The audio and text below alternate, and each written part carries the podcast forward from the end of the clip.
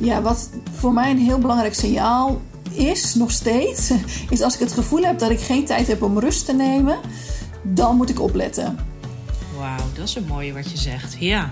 En ik was gewend om op het moment dat ik voelde ik heb rust nodig om harder te gaan werken. Om te denken, als ik nu even er hard aan trek, dan kan ik straks echt rust nemen. Maar ja, dat Hmm. moment kwam niet. Maar ik ging wel continu meer op mijn bordje nemen. Nog weer een extra project of iets in huis. Of er was altijd nog weer wat extra te doen. Ja. En ja, dat is voor mij een heel belangrijk signaal. Welkom bij de podcast Jeugdzorg Next Level. Leuk dat je luistert naar deze podcast, waarin je informatie, tips en inspiratie ontvangt, zodat je je begeleidingstrajecten nog beter en klantgerichter kunt maken. De plek waar jij leert wat jouw expertise is. Welkom bij de podcast Jeugdzorg Next Level. Welkom bij de podcast van Jeugdzorg Next Level. En deze keer mag ik Esther Bergsma interviewen.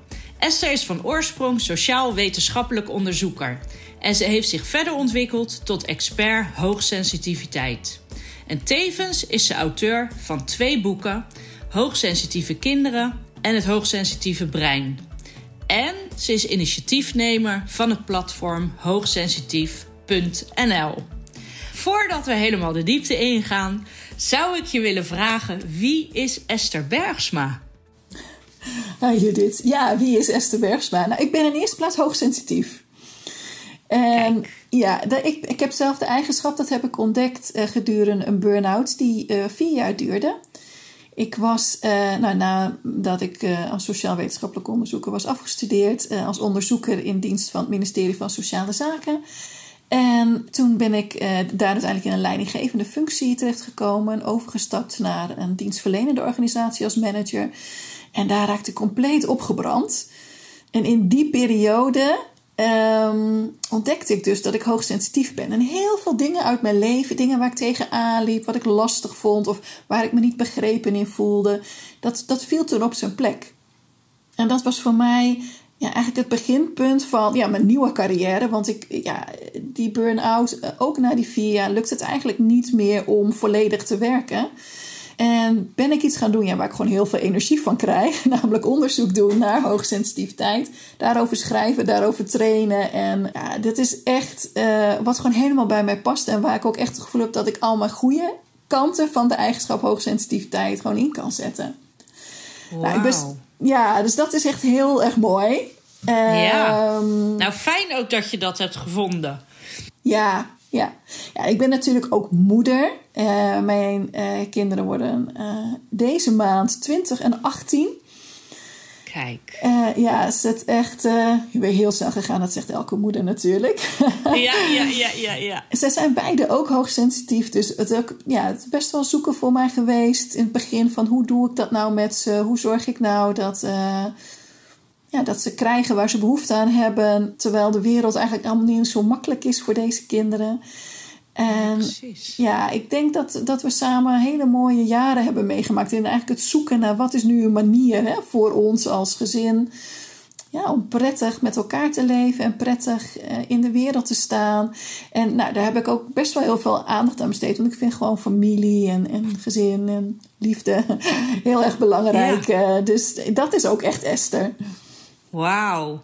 Oh, wat mooi. Ja, als ik het even zo terug samenvat, dan geef je eigenlijk aan door het moment dat je zelf in de burn-out terecht bent gekomen. Ben je een ontdekkingstocht met jezelf eigenlijk aangegaan om te zien van wat heeft ervoor gezorgd dat ik in die burn-out terecht ben gekomen? Heb je daar ook eh, naar teruggekeken?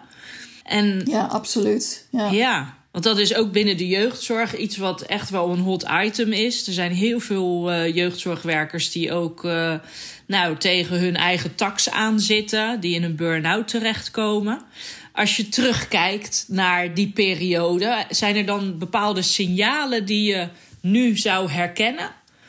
Ja, wat voor mij een heel belangrijk signaal is, nog steeds, is als ik het gevoel heb dat ik geen tijd heb om rust te nemen, dan moet ik opletten. Wauw, dat is een mooie wat je zegt. Ja. En ik was gewend om op het moment dat ik voelde, ik heb rust nodig om harder te gaan werken. Om te denken, als ik nu even de hard aan trek, dan kan ik straks echt rust nemen. Maar ja, dat Hmm. moment kwam niet. Maar ik ging wel continu meer op mijn bordje nemen. Nog weer een extra project of iets in huis. Of er was altijd nog weer wat extra te doen. Ja. En ja, dat is voor mij een heel belangrijk signaal. Ja, ja, en dat neem je nog steeds eigenlijk mee in je huidige leven. Ja. Want als je merkt van ik krijg die gedachte weer om toch eventjes weer eh, pas op de plaats te maken. Ja, ik, ik wil heel veel. Ik heb heel veel ideeën en ik wil dingen doen. En ik ben, eh, ja, ambitieus vind ik zelf mooi. Maar ja, is ook echt mijn grote valkuil. en Ja, dit is ja. eh, dat gevoel van... Nee, ik heb geen tijd voor rust. Ik heb geen tijd voor rust. Dan weet ik nu, oké, meteen alles laten vallen en rust nemen. Want anders gaat het verkeerd. Precies. Wauw. En heb je dat, die zoektocht, heb je die alleen gedaan? Of heb je daar coaching voor, eh, voor gekregen? Of therapie om hierachter te komen? Of is dat echt je eigen zoektocht, eh, zelfstandig geweest? Ik heb heel veel professionals ingeschakeld in die periode. Echt allerhande professionals, zowel in het reguliere circuit als in het alternatieve circuit. Maar uiteindelijk merkte ik dat ja, in die periode, het is echt al een tijdje geleden, dat niemand echt kennis had van hoogsensitiviteit. Dus jaren eh, bij coaching en, en psychotherapie, maar dat is denk ik was niet nodig geweest als kennis over de eigenschap hoogsensitiviteit daar bekend was geweest. Wauw. Dus het is Daar groot- komt jouw drive vandaan, zeker. Eh, Klopt, klopt. Ja, ja. Zo. Ja, als toen die kennis er was geweest van hoe mijn eigenschap mee heeft gespeeld in het ontwikkelen van die burn-out, maar ook in het er weer uitkomen, had het sowieso geen vier jaar hoeven duren. Nee. Maar was dat traject ook gewoon heel anders gegaan. En nu heb ik het ja, toch allemaal zelf moeten ontdekken, waar op zich ook niks mis mee is. Maar dat is zwaar. Dat is echt behoorlijk zwaar. Want op het dieptepunt ja, het lukt me gewoon amper om een kopje thee voor mezelf te maken. Zo kapot was ik. Ja, wow. Ja, en dit is wel mooi dat je dit aanhaalt en ook benoemt, omdat dit vaak niet besproken wordt. En eh, er zijn natuurlijk heel veel mensen die met een burn-out te kampen hebben. En ook tegen dit soort dilemma's aanlopen. En jij bent er dus achter gekomen voor jezelf dat hoogsensitief. eh, dat je hoogsensitief bent. En ik ben dan benieuwd, hoe, hoe ben jij daar achter gekomen? Eh, hoe is dat op jouw pad gekomen?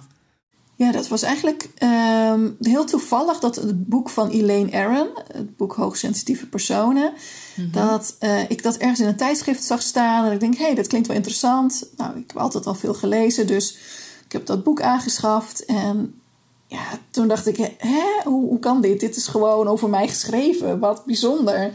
En wat vooral heel bijzonder was, dat al die dingen waarvan ik al die jaren dacht: ja, dat is een minpunt van mij, dat is een minpunt van mij, dat is een minpunt van mij. Dat ik nu daar las: nee, dat, dat is eigenlijk een kwaliteit van je. Want hoogsensitiviteit is een eigenschap waarbij je gewoon veel meer waarneemt en veel diepgaander verwerkt. Maar dat is echt niet slecht. Daarmee kan je ook juist dingen die anderen niet kunnen. En voor mij was dat echt een game changer. Want mijn bedrijfsarts zei bijvoorbeeld tegen mij: Ja, je bent ook wel heel moeilijk ziek. Je maakt het jezelf wel heel moeilijk. Dus daar, daar, daar was echt een hele zwaarte. Ik denk, oh ja, Ja. ik, maar ik, wat doe ik ook ingewikkeld? Waarom doe ik zo ingewikkeld? Dus de continue zelfafwijzing eigenlijk. Terwijl toen Ja. ik dat boek las van Elaine Aron, dus de pionier ook op dit eh, gebied, hè, die, Mhm. toen realiseerde ik mij dat ik er anders naar moest gaan kijken. Wauw. En wat heeft jou dat toen opgeleverd? dat ik niet meer probeerde. Ik, vond, ik vind het af en toe nog steeds best wel heel lastig hoor. Maar ik ben gaan proberen om niet meer te denken over wat anderen zouden vinden over wat ik zou doen of denken. Maar dat ik echt ben gaan voelen: wat heb ik nu nodig op dit moment om goed te kunnen functioneren? Wauw. En ik had in dat ziekteproces, dacht ik, ja, ik wou het graag heel goed doen. Hè? Dat is ook iets wat veel hoogsensitieve mensen eh, vast herkennen. Mhm. Perfectionisme. maar ik wou ook goed ziek zijn. Op, een beetje op een goede manier. Zo, ik, ik wil wel gezond blijven. Dus regelmatig wandelen. En uh, dingen doen waar je beter door wordt. En zo had ik dan bedacht dat ik dan regelmatig in de tuin zou gaan werken. Want dat vonden mensen in zijn algemeenheid een goede bezigheid. Want de natuur was goed. En dan, dan was je wel bezig, maar wel ontspannen. Nou, ik was totaal niet ontspannen, want ik vond het vreselijk. Ik hou helemaal niet van in de tuin werken. maar dat was zo'n mind uh, blok van mij. Van ja, mensen zeggen dat dat goed is, dus dat moet ik doen. Dus dan, ja. En ja, dat zal wel herkenbaar zijn voor heel veel mensen. Dus toen ik af ging vragen van, maar waar heb ik nu behoefte aan? Ik voel me nu gestrest, ik voel me nu overprikkeld. Wat helpt mij om weer tot rust te komen? Toen voelde ik, ja, dat is dus helemaal niet in de tuin werken, maar dat is, nou ja, de ene keer is het een wandelingetje maken, de andere keer is het lezen uh, of een keer in bad gaan. Weet je, dat, maakt, dat verschilt ook van moment tot moment. Ja. Uh, maar dat inzicht is voor mij wezenlijk geweest. Ja, zo. Maar dat is natuurlijk een hele andere manier van denken. Want ja, we zijn ook vaak zo gewend om uh, af te gaan op wat de experts aangeven, wat goed voor ons is. Ja. Maar zoals je net zelf ook al aangaf, ja, dat hoeft dus niet bij iedereen zo te werken. Wat voor de een tuinieren heel erg rustgevend is, kan voor de ander juist weer meer stress opleveren. Ja, en dat, zo geldt dat denk ik in heel veel adviezen.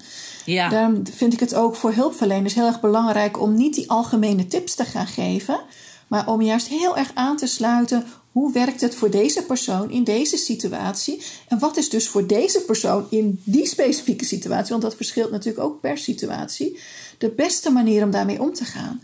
Zodat de, diegene ook zelf leert om dat te gaan herkennen en te voelen en ook die actie te gaan ondernemen. Absoluut. Ik denk dat dat als hulpverlener, dat je daar veel meer meerwaarde kan leveren dan te snel misschien in aanbevelingen of tips te, door te schieten. Mm, ja, ja, ja. Daar zeg je iets wat heel raak is, inderdaad. Want er wordt heel makkelijk en snel worden de adviezen gegeven, ook vaak op vaardigheidsniveau. Van als je het op deze manier doet, dan gaat het je helpen. Maar eigenlijk zeg je veel meer: ga kijken naar de identiteit. Wat voor persoon zit er tegenover je? Stel de juiste vragen. En ga ontdekken wat er dan voor de ander helpt. Ja, en maak hem dus eigenlijk zelfredzaam. Ja. Zorg dat de persoon zelf kan voelen wat is goed voor mij? En bij hoogsensitieve mensen is dat nooit de korte termijn of het eigen belang. Sommige zijn daar, mensen daar bang voor. Ja, maar dan ga je alleen maar kiezen voor wat je op dat moment leuk vindt om te doen. Nou, de meeste hoogsensitieve mensen hebben zo'n groot verantwoordelijkheidsgevoel. Zo loyaal en zoveel plichtsbesef.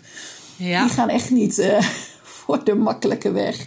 Nee, dus dat, nee. dat is een angst die je denk ik niet hoeft te hebben als hulpverlener. Uh, maar die zelfwerkzaamheid en zelfredzaamheid stimuleren zorgt er wel voor dat iemand ook in nieuwe situaties die lastig zijn zich veel beter staande kan gaan houden dan als je heel erg op die, die praktische tips inzet. Absoluut, absoluut. Ja, dat ben ik helemaal met je eens. En uh, dat is uh, denk ik, als ik het dan nu door ga trekken naar de jeugdhulpverlening, wel een stap die daar echt uh, gezet moet gaan worden. En ook een stap die ze aan het zetten zijn. Al is dat nog op heel veel vlakken nog, nog lastig. Maar dat ik wel merk dat er een ontwikkeling gaande is. En dat het veel meer gaat om het individu, om de persoon, wat de persoon nodig heeft om inderdaad weerbaar te worden. En van daaruit zijn of haar leven verder vorm te geven. Maar de, het gaat allemaal om de basis. En dat gaf je zelf ook al aan. Ja, als je weet wat voor jezelf werkt, dan kun je het gaan toepassen ja. in je leven. Maar voordat je daar bent, is het wel belangrijk dat je natuurlijk de kennis tot je neemt, zodat je weet welke mogelijkheden er zijn. Ja. Want hoogsensitiviteit, je hebt het boek gelezen, je herkende jezelf in heel veel aspecten. En wat heb je toen gedaan? Um, toen ben ik een aantal opleidingen gaan volgen. Een counseling,opleiding een aantal psychologische opleidingen. Om, want ik coachte al mensen vanuit mijn managersvak. Maar ik dacht, ik wil daar veel uh, beter in worden. Mm-hmm. En met die opleidingen ben ik mijn eigen praktijk als counselor gestart. Nou, en daar kwamen dus ook allemaal hoogsensitieve mensen op mijn pad. En toen... Ja, ook niet voor niks. Nee. Interessant hoe dat werkt, hè? Ja. En ja, toen merkte ik dat het, het echt um, ja, ontdekken hoe je in elkaar zit, dat daar nog zo weinig informatie over was. Elaine. Ern had natuurlijk wel een aantal boeken geschreven. In Nederland waren er ook een aantal auteurs die daarover schreven, zoals Suzanne Maletta Hart bijvoorbeeld. Ehm, maar heel veel ja, feitelijke informatie over hoe zit dat nou binnen die hele groep, dat was er niet. Ja, omdat ik van huis uit onderzoeker ben, heb ik dat eigenlijk als eerste opgepakt. Dus mijn eerste onderzoek ging onder ouders van hoogsensitieve kinderen. Daar hebben ruim 700 ehm, ouders aan meegedaan. Daarna deed ik een onderzoek onder volwassenen. Daar hebben 2000 HSP'ers aan meegedaan. Toen kwam er nog een onderzoek onder volwassenen. En uiteindelijk is dat onderzoek ook wereldwijd gegaan. Dus het, mijn onderzoek naar HSP en beleving op het werk en ook burn-out en ervaringen daarmee.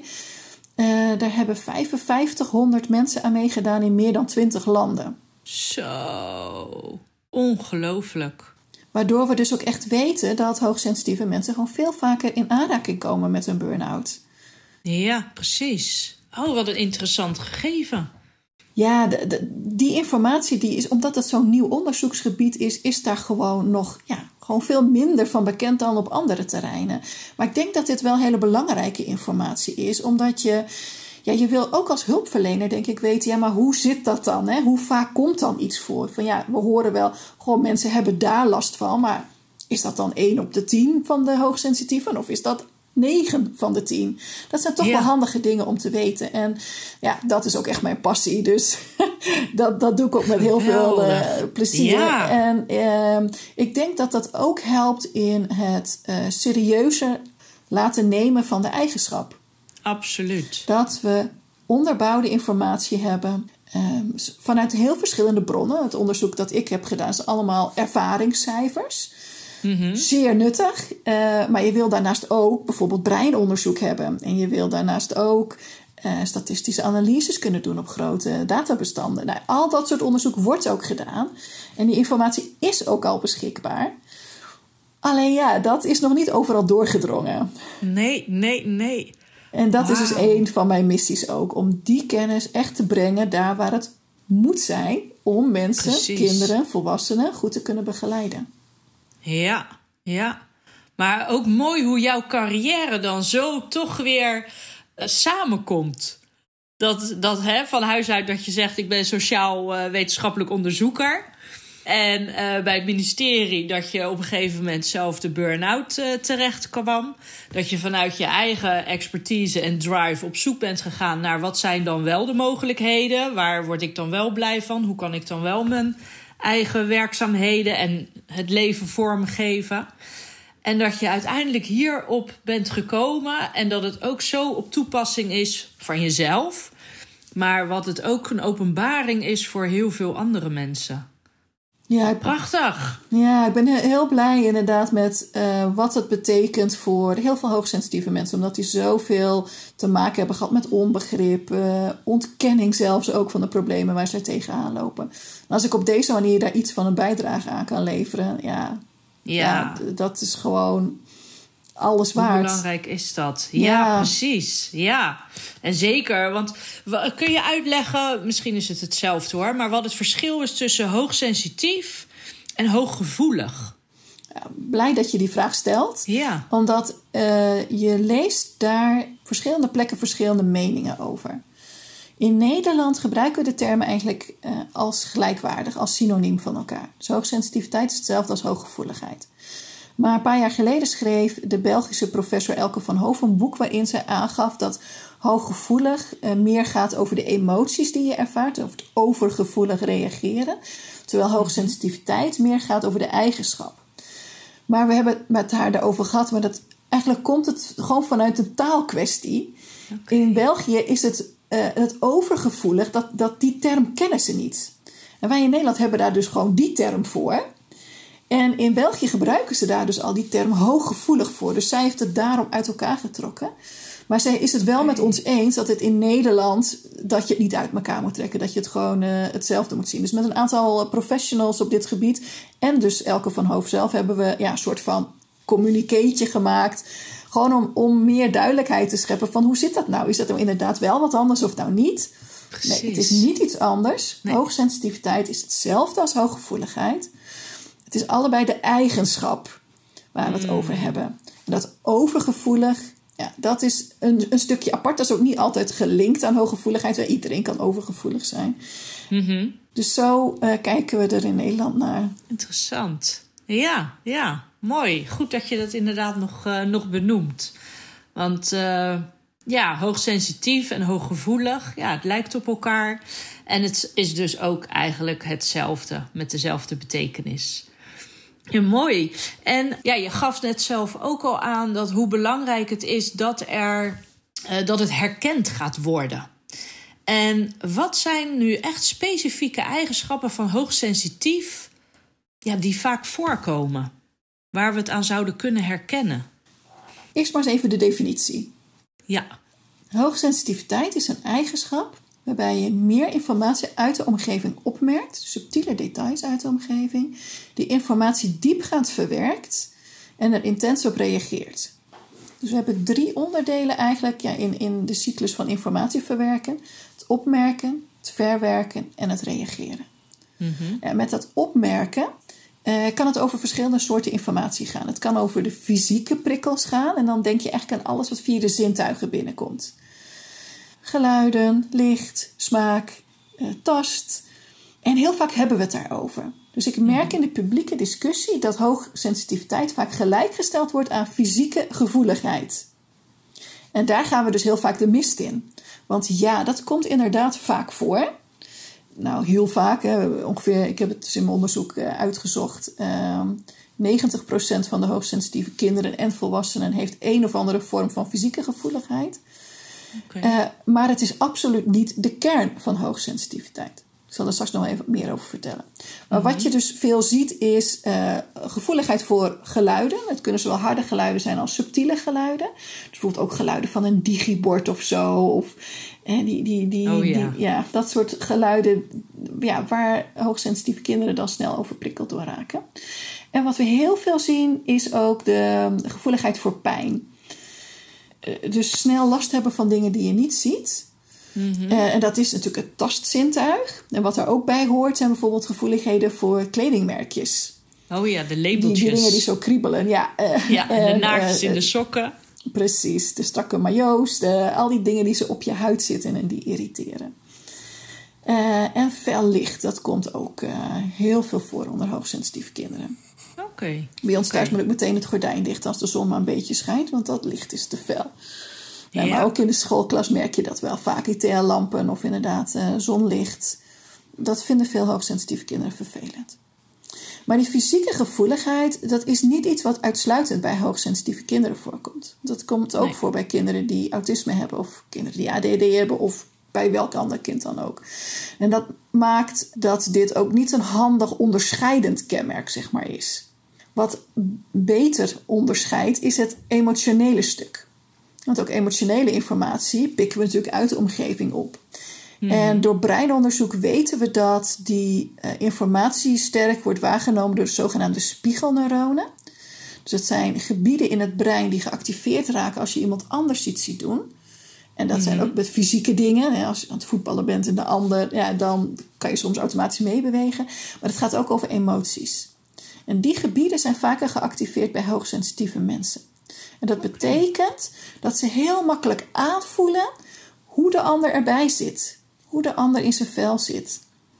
Ja, en dat maakt dat hoogsensitieve kinderen vaak heel erg gevoelig zijn voor stemming van een leerkracht of van een ouder, maar ook van vriendjes. Uh, dat ze heel veel moeite hebben met een nare sfeer in de klas.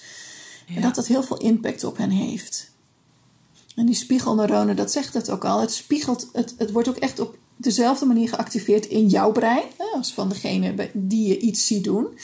Mhm. Maar als een brein geactiveerd wordt, heeft het natuurlijk invloed op het hele gestel, op het hele lichaam. Systeem, ja. Dus als je iemand heel verdrietig ziet zijn, dan heeft dat ook effect op hoe jij je voelt.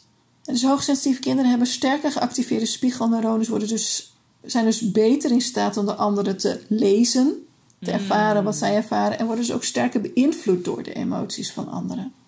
Waardoor ze denken dat het hun eigen emoties zijn. Ja, dat zijn een, een van de grote problemen inderdaad. Dat, dat dat onderscheid niet altijd duidelijk is, kunnen soms in een hele vicieuze cirkel naar beneden komen. Waarin ze nou ja, soms zelfs het gevoel hebben dat ze depressief zijn, terwijl daar eigenlijk niet de kern bij henzelf ligt. Nee. Zo, maar hier zeg je wel iets heel interessants en essentieels. Want hoe ga je erachter komen dat iets niet van jezelf is? dat een bepaalde emotie komt door de mensen in je omgeving? Nou, de allereerste stap, is mijn ervaring, is weten van jezelf dat je brein zo werkt dat je die emoties makkelijk opneemt. Ja. En dat besef merk ik zeker bij jongeren uh, die ik dan begeleid heb. Dat doet al zo'n last van de schouders vallen. Omdat het zoveel verklaart van alles wat ze altijd ervaren hebben. Hmm. Uh, dus daar zit de eerste stap. De tweede en de derde komen we misschien later nog wel even over te spreken. En uh, voor hoe je daar verder mee om kan gaan. Ja, zeker. Maar, maar dit gaat dus echt over het, het, het, waarnemen van prikkels. Wat dus al anders ja. is bij hoogsensitieve mm -hmm. mensen. Wat echt het kernonderdeel is van hoogsensitiviteit, is die diepgaande verwerking. Dus in het begin werd er ook, denk ik, in de boeken veel meer uh, ge gesproken over die prikkelgevoeligheid. Maar mm -hmm. uit zowel breinonderzoek als ander onderzoek weten we steeds meer dat die diepgaande verwerking echt het, het onderscheid is ten opzichte van andere eigenschappen. En onder andere weten we dat vanuit biologisch onderzoek. Want wat heel erg interessant is, is dat uh, ook bij diersoorten zie je dat er een verschil is in hoe er gereageerd wordt op nieuwe situaties. Dus je zet bijvoorbeeld een groep dieren uh, bij een val. Of je plaatst nieuw voedsel in hun leefomgeving. En je gaat dan kijken hoe reageren zij hierop. En biologen hebben dus ontdekt dat er echt twee reactiepatronen zijn. Ja, dat wordt vaak de ene wordt de moedige, daar gaat er meteen op af, de, de, hè, de actieve. Uh, en ja.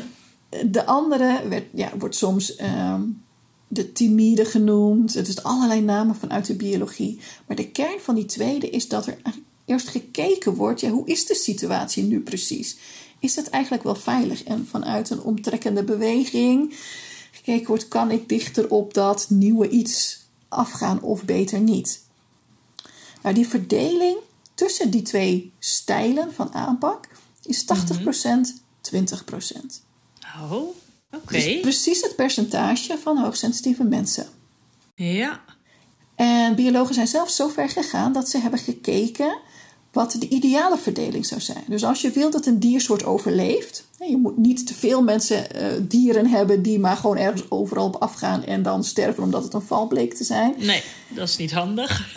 maar je wil ook niet te veel hebben die zo voorzichtig zijn dat ze nooit naar dat nieuwe voedsel durven toe te gaan. Dus daar moet een mix in zijn. Ja. En ook uit die berekeningen blijkt dat 80-20 voor de overleving van de soort de beste verhouding is. Wauw, interessant. En ik vind dat mega interessant. Ja. Ook als je daarvan uit denkt vanuit menselijk oogpunt. Precies. Want ook bij mensen is deze strategie van dat diepgaand verwerken... je zou kunnen zeggen eigenlijk helemaal niet zo efficiënt. Want je bent enorm actief met allerlei informatie met elkaar te verbinden en te verwerken. Er gaat heel veel energie in kwijt. Terwijl de gemiddelde mens die maar gewoon actie onderneemt... zo snel die iets ziet... Ja, mm -hmm. in 9 van de 10 keer gaat dat ook prima. Dus ja, waarom hebben we ook zo'n strategie erbij? Precies. Nou, omdat in die nieuwe situaties, die bijzondere situaties, die complexe situaties, deze strategie wel heel veel oplevert. Dus je moet een deel van de mensen moet je daar dus voor hebben. Ja. En een deel moet anders zijn. Dus dat is ook denk ik heel nuttig voor de hoogsensitieve persoon zelf om te realiseren dat je bent niet ingewikkeld, je bent niet complex, je, bent niet, je doet niet te moeilijk ja, je, je pakt het anders aan, maar dat heeft ook echt zijn meerwaarde. Ook voor de groep. Ja, interessant zeg. Ja, en dat is natuurlijk wel een eye-opener voor heel veel mensen. Maar je geeft dus aan, hè, je hebt de, de fysieke uh, gevoeligheid, het emotionele. En dat heeft ook met de externe gebeurtenissen te maken. En waar bestaat het nog meer uit? Je merkt ook dat in uh, nieuwe situaties Mm -hmm. uh, hoogsensitieve kinderen ja, gevoeliger zijn. Het heeft dus ook te maken met wat ik net vertelde over die diepgaande verwerking. Ja. Maar in die nieuwe situaties verandert er heel veel. Dus uh, is er heel veel anders, laat ik het zo zeggen. En alle prikkels in zo'n situatie neemt een hoogsensitief kind waar en heeft, kost dus tijd voordat ze in staat zijn om deel te nemen, om actief te zijn. Dus als je mm. bijvoorbeeld met school naar uh, een schooluitje gaat, schoolreisje. Er is een feestdag. Of je gooit het hele programma om, alles gaat opeens anders. Of ze gaan naar een nieuwe groep toe, weet je, een ander lokaal, andere leerkracht.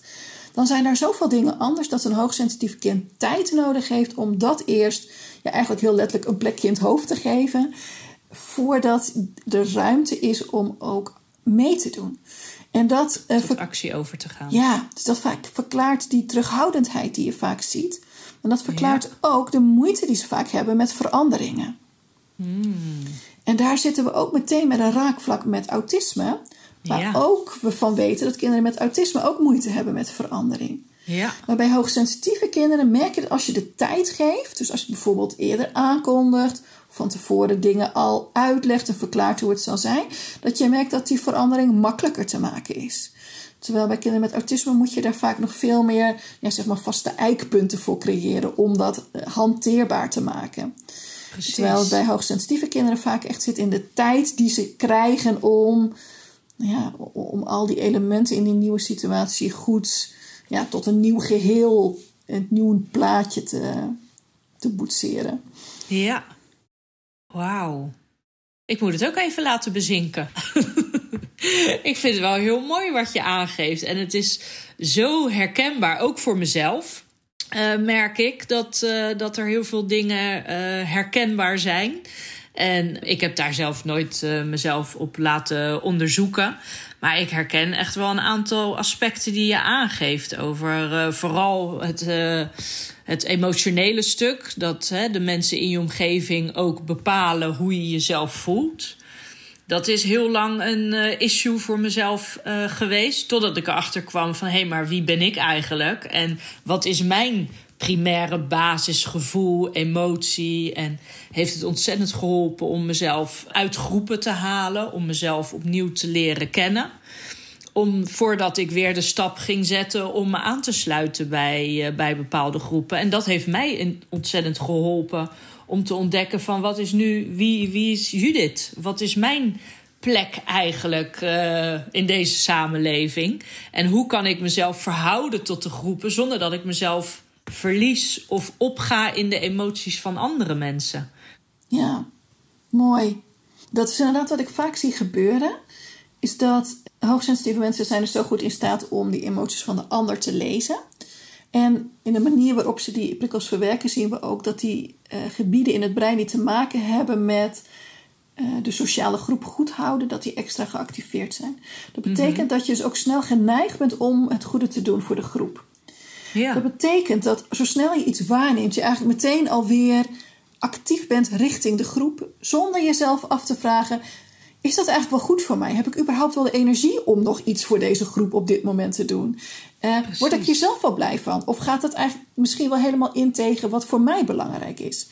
Ja. Veel hoogsensitieve mensen zijn, hebben zich ja, ontwend, ik weet niet precies hoe je het moet noemen, om over die vragen na te denken. Dus ze zijn altijd zo bezig geweest met naar buiten toe. Met de ander, ja. Dus weer een stap naar binnen, wat jij vertelt, dat is echt een ontzettend belangrijke. Maar wat vind ik eigenlijk? Wat is belangrijk voor mij? En je hoeft mhm. niet egoïstischer te worden. Het gaat er niet om dat je nooit meer wat voor de groep doet. Helemaal niet. Het gaat er wel om dat dat ook nog steeds in balans is met wie jij bent. En wat jij belangrijk vindt. Precies. En als dat evenwicht er is, ja, dan is het gewoon een prachtige eigenschap. Maar zoveel het te veel richting de ander is, ja, dan ga je uiteindelijk eraan onderdoor. Ja, ja. Ja, ik zeg altijd, dan ga je energie lekken. Ja.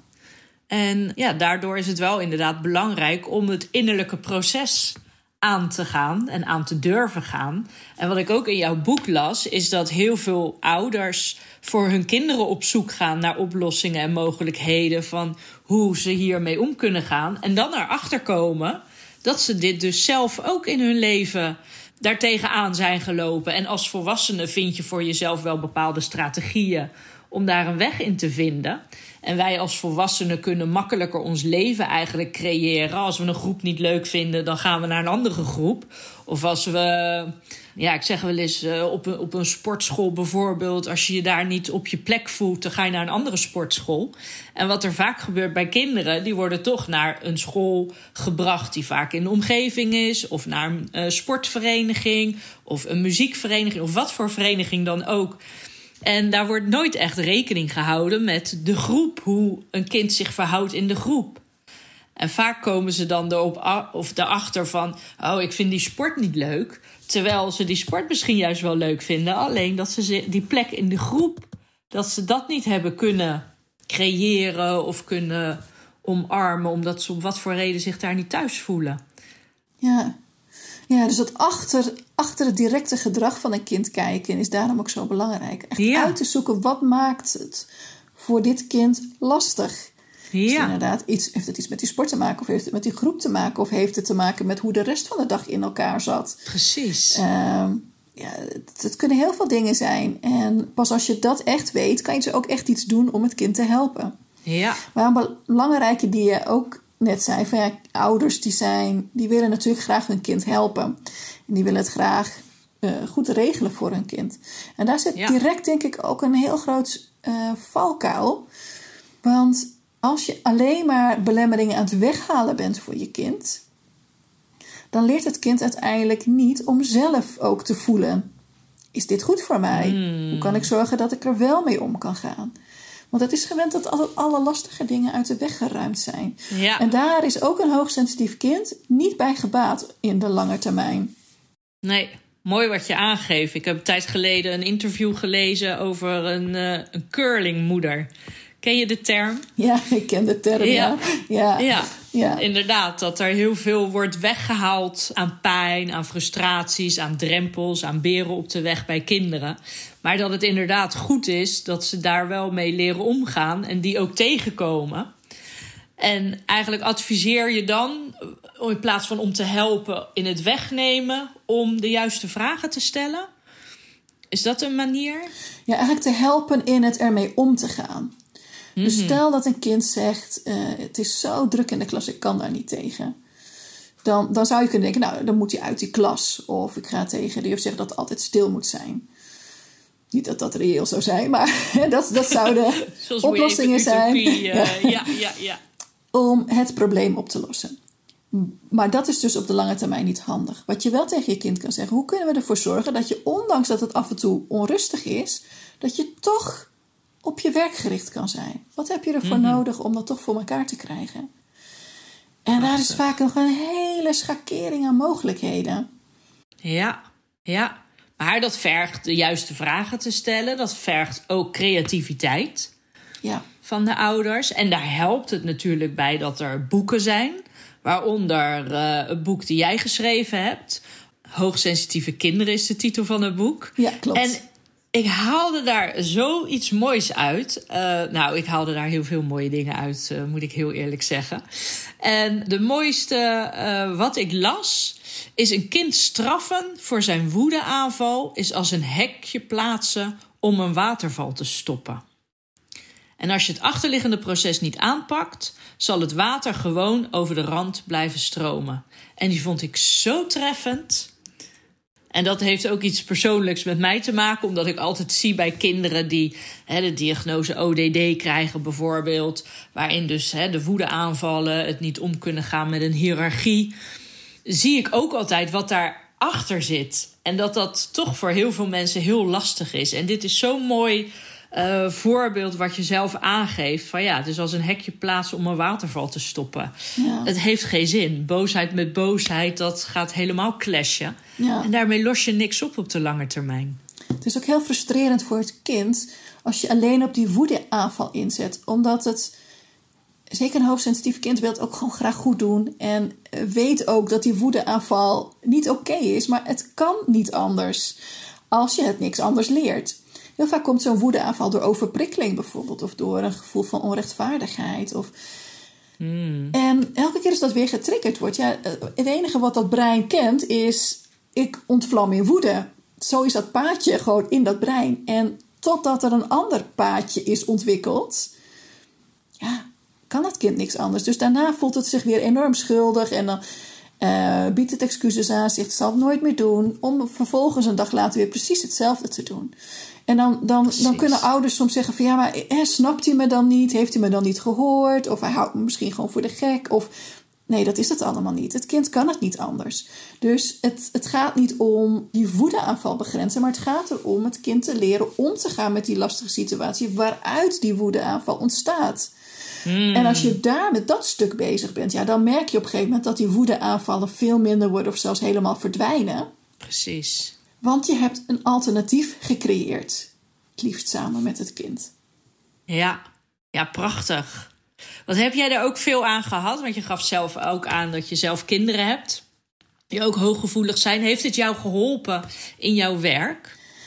Dat ik zelf kinderen heb. Ja, dat denk ik absoluut. Ja, ja.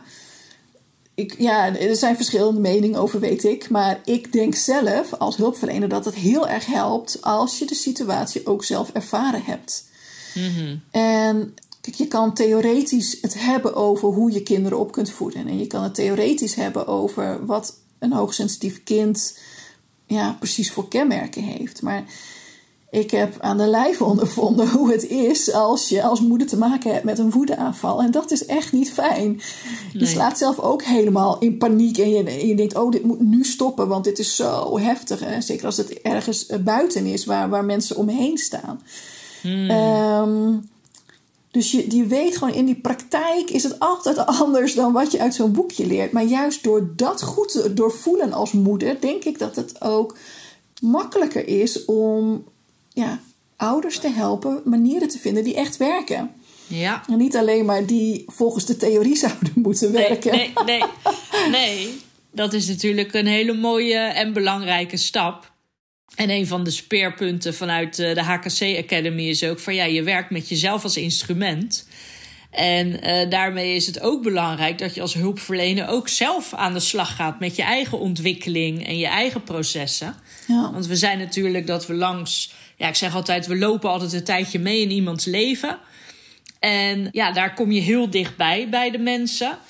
We vragen Hè, daar komen ze voor binnen de jeugdhulpverlening om iets te veranderen. Ze hebben alleen zelf niet het idee hoe ze het kunnen veranderen. En ja, ik vind dat dan altijd wel mooi. En die, die stap is wel gezet nu binnen de jeugdzorg. Dat mensen dus ook hun eigen processen aan hebben te gaan. Want als je verlangt van anderen dat ze gaan veranderen, is het ook belangrijk dat je voor jezelf ja, die stap durft te zetten om te gaan groeien, om te ontwikkelen. Ja. Om, ja, ik zeg altijd om je blik te verbreden. En uh, ja, binnen de opleidingen wordt er best wel veel, ja, binnen de theorieën, binnen het geëikte en de gebaande paden opgeleid. En net zoals hoogsensitief, wat je zelf ook aangeeft, ja, het is nog zo'n ondergeschoven kindje waar veel meer aandacht naartoe mag gaan. Waardoor er dus op ja, veel kortere termijn inzichten en veranderingen teweeggebracht kunnen worden. Ja, ja. Ja, en daarbij is het denk ik ook belangrijk om te realiseren dat je misschien als hulpverlener ook hoogsensitief bent. Ja.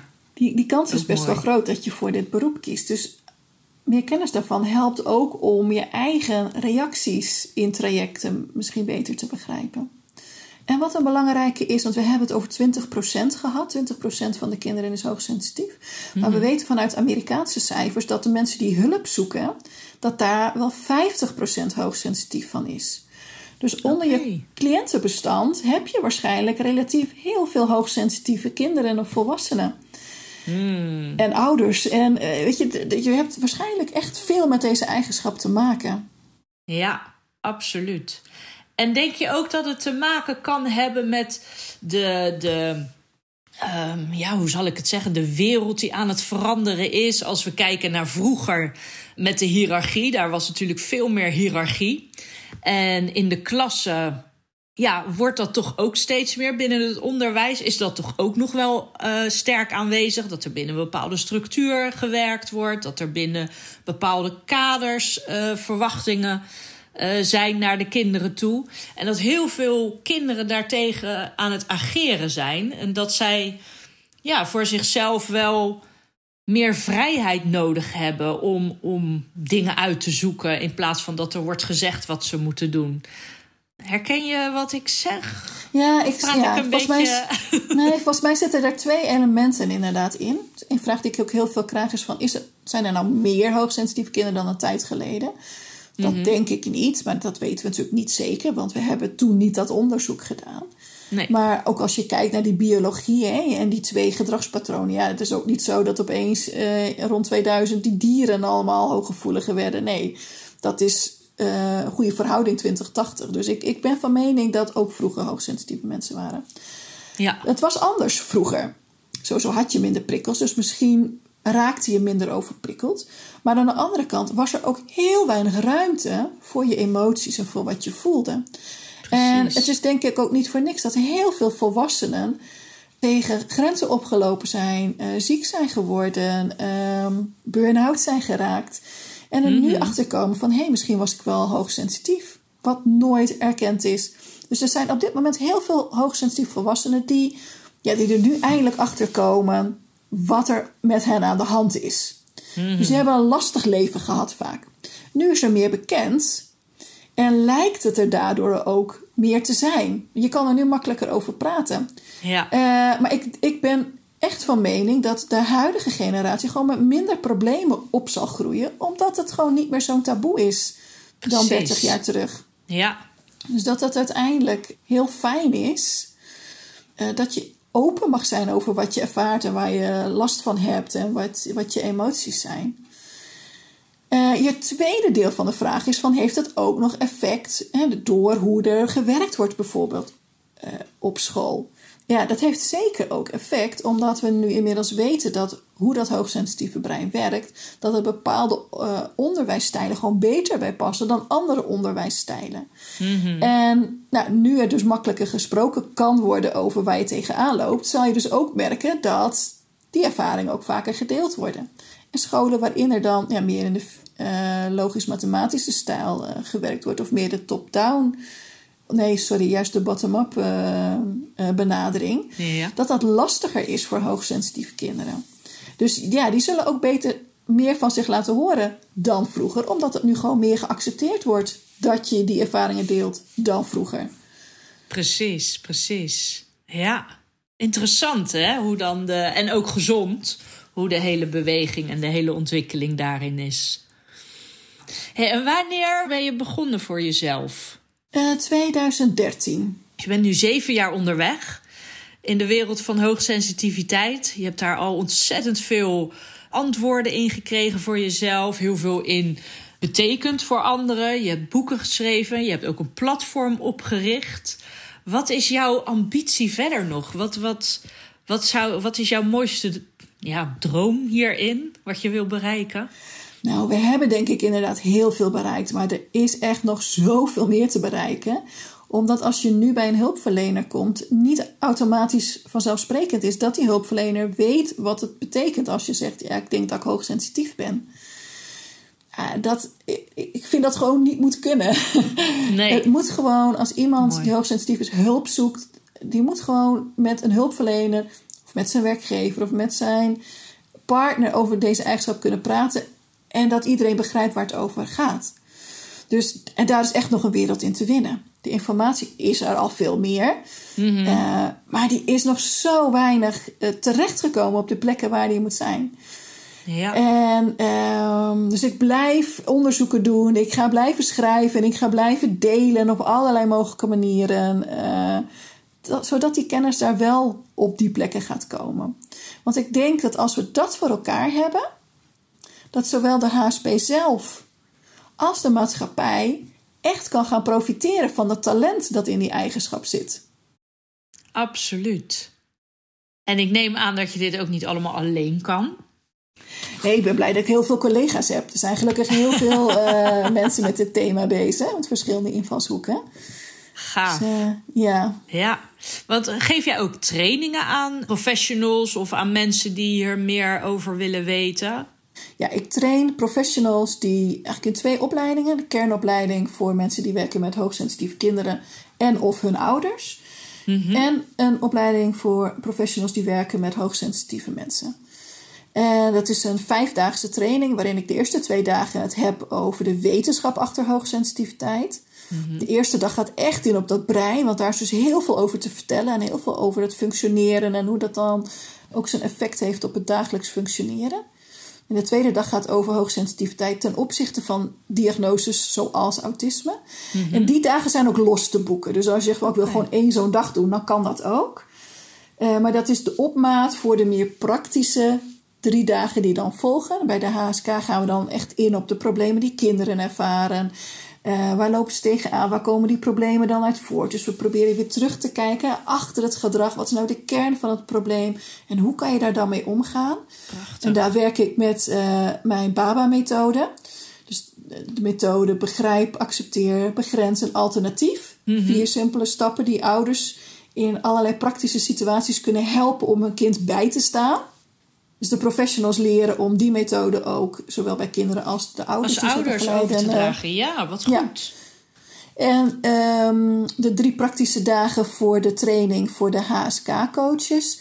Uh, sorry, de HSP-coaches, dus de, de coaches of professionals of jeugdzorgmedewerkers of psychologen. Dat is een heel breed uh, gezelschap dat daar uh, zit. Ja. Uh, die werken met de volwassenen. Die werken volgens het Z-kwadrant voor hoogsensitiviteit dat ik ontwikkeld heb. En dat sluit eigenlijk aan bij waar we het over hadden. Dat soms dat zelf helemaal verdwenen is. Omdat er alleen maar gereageerd wordt op die omgeving en op de ander. En dat mensen zo ver wegraken van hun eigen kern. Waardoor er allerlei, uh, ja, dus ook problemen als burn-out bijvoorbeeld kunnen ontstaan. Maar ook andere fysieke of psychische klachten. Mhm. Dus uh, die professionals uh, leer ik uh, ja, eigenlijk binnen hun eigen manier. Want ik vind het vooral belangrijk dat je bij je eigen kracht blijft, ook als professional. Binnen je eigen manier toch die, die essentiële stappen die ik geïdentificeerd heb, om die te integreren in je aanpak. Zodat je de hoogsensitieve persoon ook echt ja, in hun talent kracht kan zetten. Kunt ja, ja. Ja, kunt laten excelleren. Ja. ja. Oh, prachtig. En belangrijk dus. En in september starten weer een nieuwe groep. Kijk, na de zomervakantie. Ja, 24 september is de eerste dag. Oh, mooi. En waar zouden mensen informatie kunnen lezen en bekijken? Op www.hoogsensitief.nl. Mhm. Dan op de homepage uh, vind je al een kopje uh, bekijk de trainingen. Maar je kan ook hoogsensitief.nl slash doen. Het werkwoord doen. En daar staan alle trainingen, ook de online training voor ouders die ik bijvoorbeeld heb, uh, staan er ook allemaal. Ah, prachtig. En waardevol, heel waardevol. Ik vind dit een mooie, mooie afronding. Als ik uh, ja, dat zo even mag samenvatten. Want uh, ik heb nog wel één vraag, zie ik. Dat, uh, ja, als, als we terugkijken, want ik vind het een prachtig interview. Ik merk ook dat het zoiets is wat ehm, echt veel meer, uh, ook binnen de jeugdzorg, uh, kenbaar mag worden. Dat er ook op hoogsensitiviteit wordt uh, nou, gediagnosticeerd, vind ik zo zwaar klinken. Maar dat het wel gaat, herkend gaat worden. Omdat je gewoon zoveel andere dingen kan gaan zien, herkennen. Je kan de talenten daaruit halen. En wat je zelf ook al aangaf, is dat er. Uh, ja, ik denk ook dat de identiteit en de weerbaarheid van de mensen daardoor sterker gaan worden omdat ze in plaats van dat ze het, het van zichzelf willen uh, negeren of wegzetten of, of uh, ja, dat ze afgesneden worden voor de gevoelens die ze hebben. Omdat ze denken van oh, ik ben gek of ik uh, ben anders. Uh, ik ben de enige die, die zo denkt. Dat dat juist veel meer omarmd gaat worden. En als dat wordt herkend bij de jeugdprofessionals en ze weten, ze krijgen de tools ervoor hoe ze dit goed kunnen uh, begeleiden, ja, dan gaat er natuurlijk ook een hele wereld veranderen. En dan gaat er gewoon ook een hele nieuwe wereld voor ze open. En worden de kinderen ook veel weerbaarder gemaakt voor de toekomst. En dat is natuurlijk wat er is. Want, uh, ja, dat is zo belangrijk. Ja. Absoluut. De kinderen die er nu zijn, ja, dat zijn uh, de volwassenen in de toekomst. En hoe mooi is het als ze voor zichzelf weten wie ze nu echt zijn. Met alle ja, mooie eigenschappen die daarbij horen. Dat ze dat leren te omarmen. Prachtig. op die manier zijn ze zelf ook in staat om alles wat nog op hun pad komt, om daarmee om te gaan. Nou, vooral dat. Dat het op de lange termijn inderdaad kan beklijven voor ze. Ja. En dat ze weten welke situatie er zich ook voordoet, dat ze iets hebben om op terug te vallen, dat dat hun basis is. Ja. Ja. ja, ik denk dat dat het mooiste cadeau is wat je als ouders opvoeden je kind kan geven. Absoluut. Dat het absoluut. zichzelf staande kan houden. Ja, ja, nou zeker. En dan als uh, afsluitende vraag. Wat zou je onze luisteraars van, uh, van de podcast Jeugdzorg Next Level mee willen geven?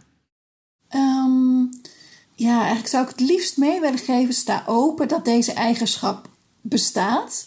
En dat mensen die die eigenschap hebben, dat die met een aantal uitdagingen te maken zullen krijgen. Een aantal problemen te maken zullen krijgen. Die mogelijk ook best lijken op uh, de diagnoses die je in de DSM ziet. Maar probeer net even verder te kijken en even achter het gedrag dat je ziet te kijken om te zien of misschien sprake is van die hoogsensitiviteit. Omdat als die eigenschap aanwezig is, de begeleiding vaak net even iets anders gegeven moet worden. Dus de kern is eigenlijk sta open voor die eigenschap en, en doe er je voordeel mee, ook in de praktijk, uh, door de kennis die daarover is uh, toe te kunnen passen. Ja, prachtig. Ik vind het echt een heel mooi interview. Ik had uh, altijd een bepaald beeld van HSP. En dat het heel zweverig is en uh, ver van mijn bedshow. En door het gesprek met jou, door het boek wat ik gelezen heb. En uh, ik volg je natuurlijk al een tijdje via de social media. Jij kan het zo praktisch en beeldend verwoorden. En uh, met hele mooie voorbeelden, waardoor ik denk dat het juist voor heel veel mensen heel erg herkenbaar is. Mooi. En dat, het, uh, dat de drempel verlaagd is om op onderzoek uit te gaan en te gaan ontdekken wat HSP in hun leven of in het leven van de mensen die ze begeleiden uh, betekent. Ja, dat is ook echt mijn doel. Dus fijn ja. dat ik daar op die manier een bijdrage aan kan leveren. Nou, prachtig. Ik wil je hartelijk bedanken voor dit mooie interview. Jij ook bedankt. Heel fijn uh, om zo met elkaar in gesprek te zijn over dit mooie onderwerp. Absoluut, absoluut. Dankjewel.